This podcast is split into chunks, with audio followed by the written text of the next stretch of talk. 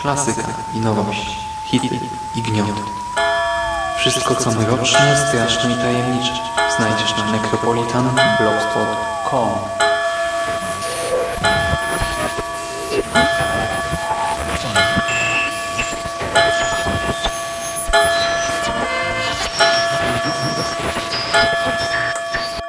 Witam w nawiedzonym podcaście.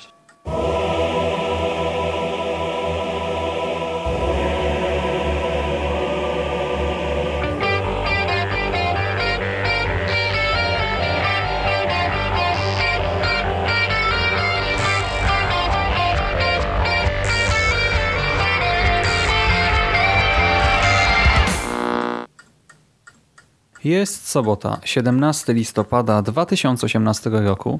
Słuchacie właśnie 212 nawiązanego podcastu na blogu Necropolitan, a po tej stronie mikrofonu wita się z Wami Szymon Cieśliński. Pozdrawiam Was z uśpionego obozu. Tak, zajmiemy się dzisiaj tym właśnie filmem z 1983 roku. W oryginale jest to Sleepaway Camp. Obejrzałem go no, stosunkowo niedawno na maratonie filmowym e, ze znajomymi z okazji Halloween i uznałem, że warto w sumie o nim wspomnieć i w nawiedzonym podcaście, bo jest to produkcja niby dość wiekowa, e, niby nie tak kultowa jak, nie wiem, Koszmar z ulicy Wiązów czy Piątek 13, ale jednak mimo wszystko ten film z kilku przyczyn, do których przejdziemy za chwilę, obrósł kultem, tak? Stał się jakimś tam hitem i to nawet nie do końca było zamierzone przez twórców w gruncie rzeczy, to znaczy absolutnie nikt się tego nie spodziewał, zwłaszcza to był film e, debiutanta i też troszkę nawiązujący do po prostu innych popularnych dzieł z tamtego okresu.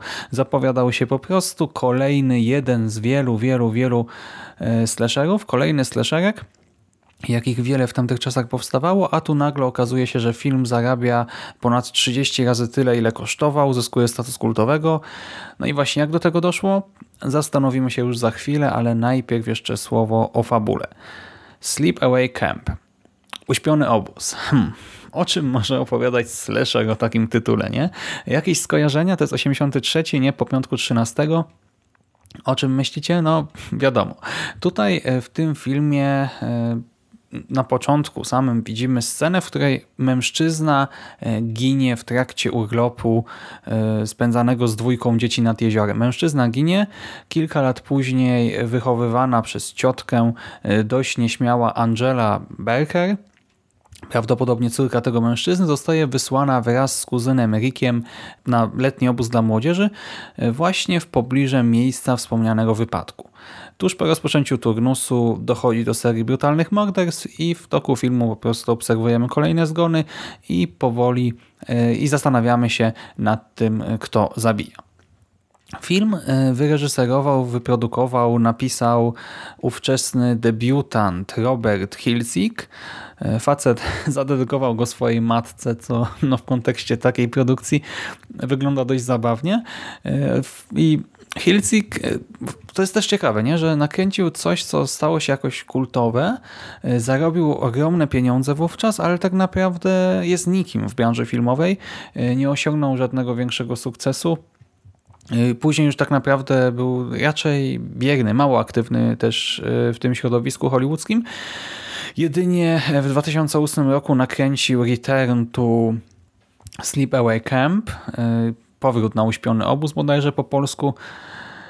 I, I tyle w gruncie rzeczy. Tam może jeszcze przy czymś grzebał, już nie pamiętam szczerze mówiąc. Wiem, że jakieś dokumenty jeszcze powstawały na temat tej franczyzy całej, bo to jest franczyza. Powstały cztery filmy z numerkami właśnie 2, 3, 4 i potem ten powrót na uśpiony obóz. Teraz zapowiada się od 2013 roku reboot, bo Hilsig stracił prawa do tej serii. Odzyskał, znaczy nie tyle odzyskał prawa, co e, do niej dostęp w ogóle, bo za sequel odpowiadał ktoś inny. Ale na etapie tego powrotu na uśpiony obóz w 2008 e, znowu on pisał, kręcił, produkował, a w 2013 roku odzyskał e, pełnię praw, zapowiedział te wszystkie rebooty, no i do tej pory się tak, wiecie, przebąkuje, że to no w 2018 już na pewno, no jak nie w 2018, to w 2019, ale szczerze mówiąc nie zapowiada się na to, bo nie ma absolutnie żadnych konkretów chyba. No, chyba, że coś ostatnio mnie ominęło, bo no nie sprawdzałem teraz, po prostu wiem, że co jakiś czas gdzieś tam widzę newsika, także o, może wrócimy na uśpiony obóz, no a potem się okazuje, że chyba jednak nie. No ale wracając do tego filmu z 83. Produkcja kosztowała e, podobno 350 tysięcy dolarów, a e, film zarobił ponad 11 milionów. Spore przebicie i co odpowiada za sukces? Jest z tego myślę co najmniej kilka takich rzeczy. Po pierwsze walory gatunkowe. Mamy do czynienia z camp slasherem, e, w którym e, co najmniej kilka osób podejrzewamy o bycie zabójcą i w którym każda śmierć jest inna. Tak? A to ktoś zejdzie w kuchni, a to w jeziorze, a to spotka się z pszczołami, a to z lokówką i tak dalej, i tak dalej. Po drugie ten niski budżet i różnego rodzaju wpadki produkcyjne, czy jakieś wypadki na planie, bo na przykład do jednej sceny stworzono sztuczną głowę, ale ktoś ją ukradł. I ostatecznie, gdy kręcono tę scenę, jedną z ostatnich, trzeba było kombinować inaczej. Ale te wszystkie wpadki i jakieś niedoróbki y, ukryto całkiem sprytnie albo przykryto, zamaskowano kampem. Oczywiście spora doza brutalności rozgrywa się całkowicie poza kadrem. Widzimy y, nie zabójstwa per se, a raczej cień na ścianie, kształt za zasłoną prysznicową, czy też nie wiem, słyszymy tylko krzyki z zamkniętych drzwi, a my widzimy tylko te drzwi. Niby Wiecie, to są tanie właśnie chwyty, ale jak się to zrobi sprawnie, tak jak na przykład w Pile, nie ta roztrzęsiona kamera, żeby nie było widać różnych rzeczy, czy też morderstwa poza kadrem, no to to gra. I tutaj też w Sleepaway Camp udało się całkiem nieźle te wszystkie y, straszne sceny zamaskować, także niby ich nie ma, ale jednak oddziałują na widza. Ponadto y, dialogi, które zostały napisane tak w miarę poprawnie, brzmią dziwacznie. Dlaczego brzmią dziwacznie? Bo aktorzy nie do końca radzili sobie z grą, no bo to nie byli jacyś super hiperprofesjonalni w dużej mierze e, aktorzy, więc e, ostatecznie zdecydowano się e, na to, że ci ludzie recytują, a tak właściwie wręcz wykrzykują swoje kwestie i otrzymujemy przez to coś ala parodię teatru. E, początkowo mnie to szczerze mówiąc bardzo wybijało, ale z biegiem czasu w pełni się do tej przesady e, przyzwyczaiłem. To brzmi zabawnie, e, i wydaje się absurdalne, ale jakoś gra, tak? Też tworzy po prostu tę jeszcze bardziej kampową scenerię, otoczkę. No i ostatecznie ten efekt końcowy jest całkiem niezły. No i najważniejszym e, punktem e, w ramach tej analizy, powiedzmy, chociaż to za duże słowo w tym kontekście e, sukcesu, jest myślę szokujące zakończenie. Zakończenie, które wprowadziło ten film na różnego rodzaju topki.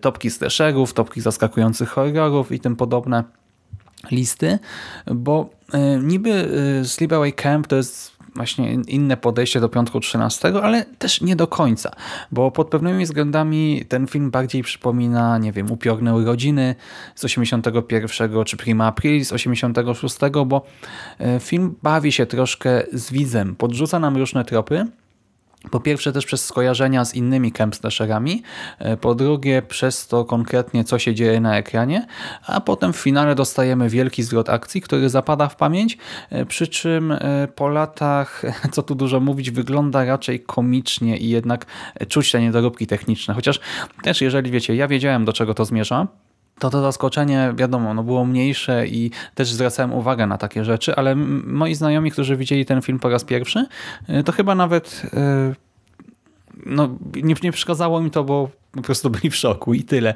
Chociaż Tomek coś tam wspominał, że no to wygląda jak... Nie, nie mogę w za wiele powiedzieć, bo to byłby spoiler na tym etapie. Ale nie, w sumie Tomek rzeczywiście zwrócił uwagę na to, że wyglądało to kiczowato, no ale jednak efekt cały czas e, jest tak, taki sam. Szok, zaskoczenie i o to w końcu chodziło. Czy film e, warto obejrzeć po latach? Myślę, że mimo wszystko tak, chociaż z drugiej strony to to też nie jest coś, co zrewolucjonizowało kino, tak? Czy e, coś, bez czego nie da się obejść, zwłaszcza, że cała ta franczyza no, nie osiągnęła ogromnego sukcesu. Ta pierwsza część była na tyle szokująca i jakoś tak sprawnie zrealizowana, mimo niedoróbek, że e, się przebiła do szerszego grona odbiorców, a te kolejne już, nawet Mando ostatnio, bo nie korciło po tym sensie, żeby od razu po dwójeczkę sięgnąć, ale Mando mi napisał, że nie, Szymas, wiesz, zluzuj, bo to, bo to, to tam plakat jest chyba najlepszą rzeczą, a plakat też nie jest dobry, więc Film się e, troszkę zestarzał technicznie, ale też część tych rzeczy wyglądała kiczowato, myślę już w czasie e, premierowych pokazów. Mm, ten shock e, value cały czas jest obecny. Myślę, że jak cóż, ktoś chce sobie zrobić maratonik slasherów, no to warto to nadrobić. Jeżeli nie, to niekoniecznie. Jeżeli widzieliście jakiś czas temu, to będziecie się nadal bawić nie najgorzej. No ale to nadal jest raczej e, gorsze kino niż lepsze. E, jeszcze co do ciekawostek, skoro już nagrywam ten podcast, to uznałem, że troszkę doczytam, e, sprawdzę kilka rzeczy. Nie wiem, czy wiecie, ale w kwietniu 2002 roku pojawiło się czteropłytowe wydanie DVD, które miało nazwę Sleep Away Camp Survival Kit i na boksie widniał medyczny Czerwony Krzyż, przez co, bo wiecie, no to miało być właśnie jak taka apteczka z wyglądu cały ten boks. I niestety przez ten Czerwony Krzyż, amerykański oddział Międzynarodowego Ruchu Czerwonego Krzyża Czerwonego Półksiężyca pozwał zwyczajnie wydawcę, czyli Anchor Bay Entertainment i zmusił go do zmiany designu. Teraz właśnie tam chyba jest napisane właśnie Survival Kit na tym e, białym opakowaniu, bo to jest białe opakowanie z czarną obwódką, no na środku, na środku był ten krzyż, teraz już go nie ma, jest po prostu ten napis Survival Kit. No właśnie biednie to teraz wygląda, ale z drugiej strony ja się nie dziwię e, oddziałowi Czerwonego Krzyża, że się troszkę wkurzyli, bo no, no jednak asocjacje z tym filmem e, w tym kontekście nie byłyby najlepsze.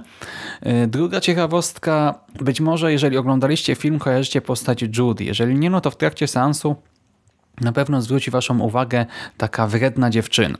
E, to jest właśnie Judy, wciela się w nią Karen Fields i ta wredna dziewczyna na obozie regularnie zatruwa życie Angeli i oczywiście w końcu traci własne życie. Judy w filmie zginęła jednak e, scena jej śmierci zdaniem e, MPAA była tak brutalna i wulgarna, że MPAA e, nakazało wycięcie jej z ostatecznej wersji filmu i tak też się stało. Po tej decyzji widz oglądając Sleep Away Camp nie wie do końca co się stało. Domyśla się oczywiście, no bo to jest dość sugestywnie nam jednak dźwiękiem i też tam cieniem e, pokazane.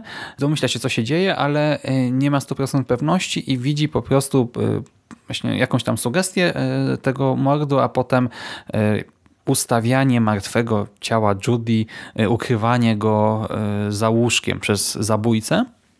Ale właśnie nie ma niby tych 100% pewności. No dla mnie to jest dość oczywista scena mimo wszystko cały czas, ale Cóż, na przykład Jeff Hayes był odmiennego zdania i postanowił nakręcić razem z Karen Fields krótki metraż o jej bohaterce. Short powstał, trwa 16 minut, miał swoją premierę w maju 2014 roku. Nosi tytuł Judy, bardzo oryginalnie. I właśnie powstał 30 lat później z dużo, dużo starszą bohaterką i tutejsza e, Judy jest taką Mary Sue, która z Mean Girl zmienia się w Batmana z lokówką. Ja nie żartuję, z tej wrednej dziewczyny zamienia się e, w jakiegoś, wiecie, samozwańczego szeryfa, który dokonuje samosądów. Całość jest dostępna na YouTubie.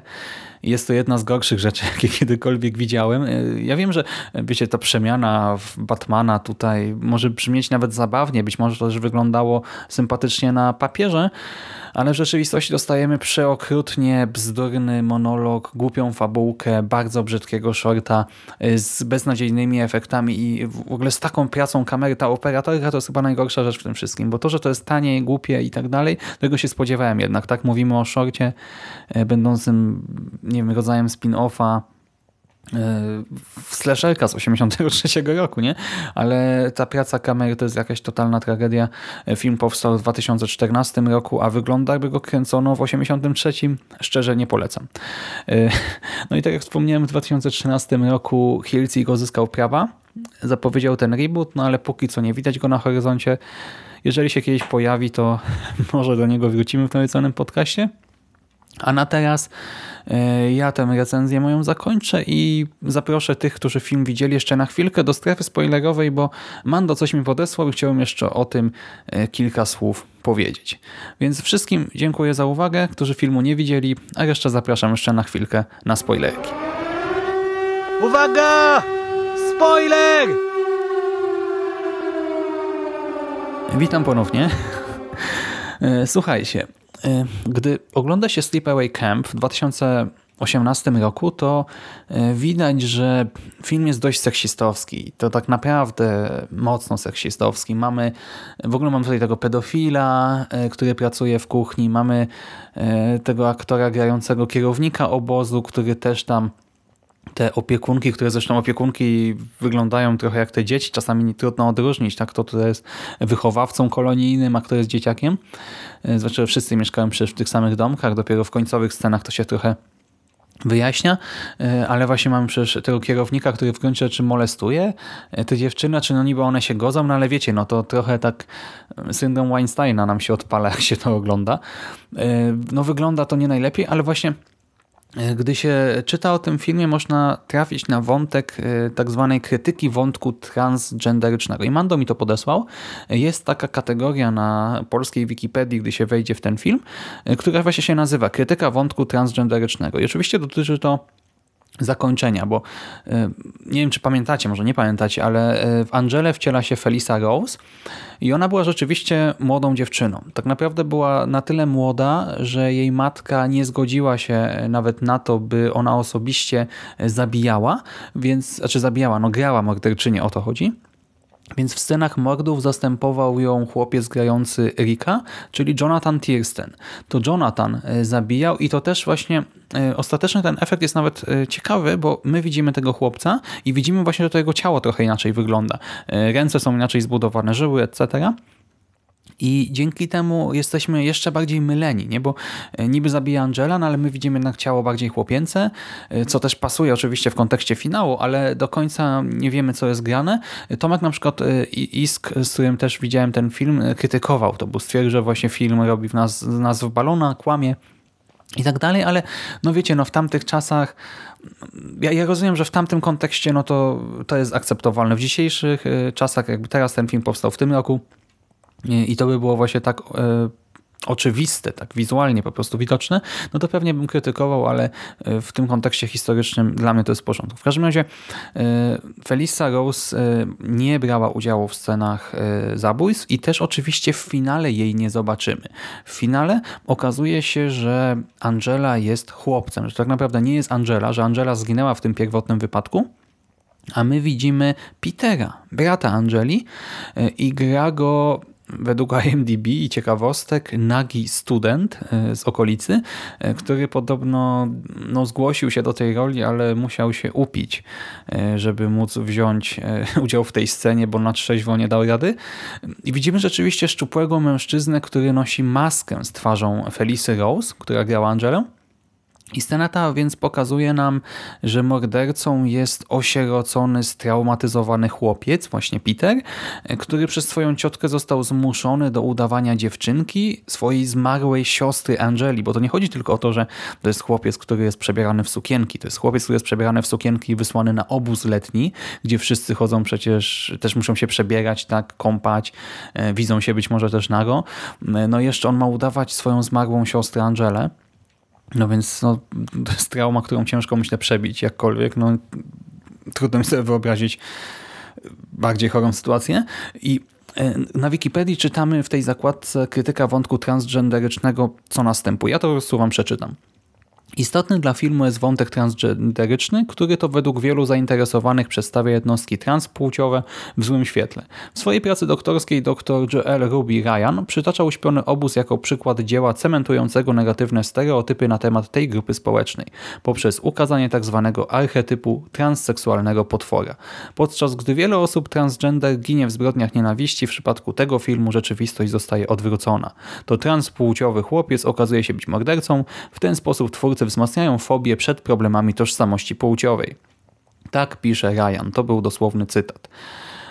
No i jestem ciekaw, co na przykład Michael Ochnik e, z mistycyzmu o tym e, sądzi, bo no dla mnie to jest jednak pewnego rodzaju bzdura, bo to nie jest tak, że transseksualność jest potworna, tylko to, co ludzie zrobili z tym dzieckiem jest potworne i to, że straumatyzowane dziecko zamiast się nim dobrze zająć trafiło do domu chorej psychicznie kobiety, która je straumatyzowała jeszcze mocniej, jeszcze bardziej i kazała właśnie chłopcu udawać swoją zmarłą siostrę e, przed całym światem, tak? I nie tylko na zasadzie jakiejś takiej chorej zabawy w domu, tylko wysłała go jako swoją zmarłą siostrę na obóz.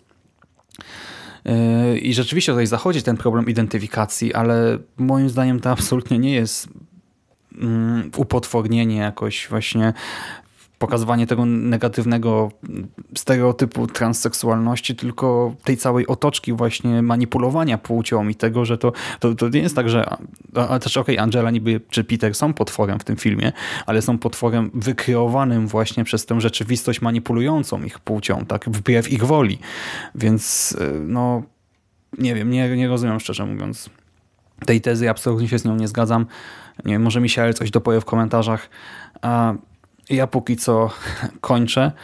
Y, widzicie, w ogóle też jest ciekawe, nie, że horror jest analizowany w tych kategoriach i tak naprawdę myślę, że nawet większość widzów w ogóle tego nie analizuje, nie? że tylko widzi tę finałową scenę, jest w szoku i kończy się film. Ja rozumiem, że jeżeli ktoś jest, nie wiem jak to ująć, transfobem, nie wiem czy jest takie słowo, ale jest negatywnie nastawiony ogólnie do transseksualności, transpłciowości, no to Wiecie, no wszystko może być wtedy pretekstem e, do wyrażenia jakichś negatywnych opinii, także i ten film, i finał, także o właśnie zabójca transseksualny, ale jeżeli ktoś jest normalny, zdrowomyślący i nie nastawiony z góry stricte, hiper, über e, negatywnie, no to nie wiem, ja w ogóle tego nie czuję, szczerze mówiąc, tego rodzaju interpretacji całego filmu.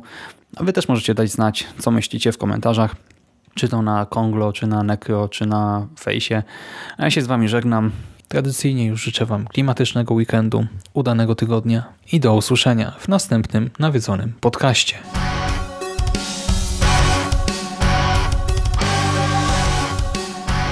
A już za tydzień w kolejnym nawiedzonym podcaście.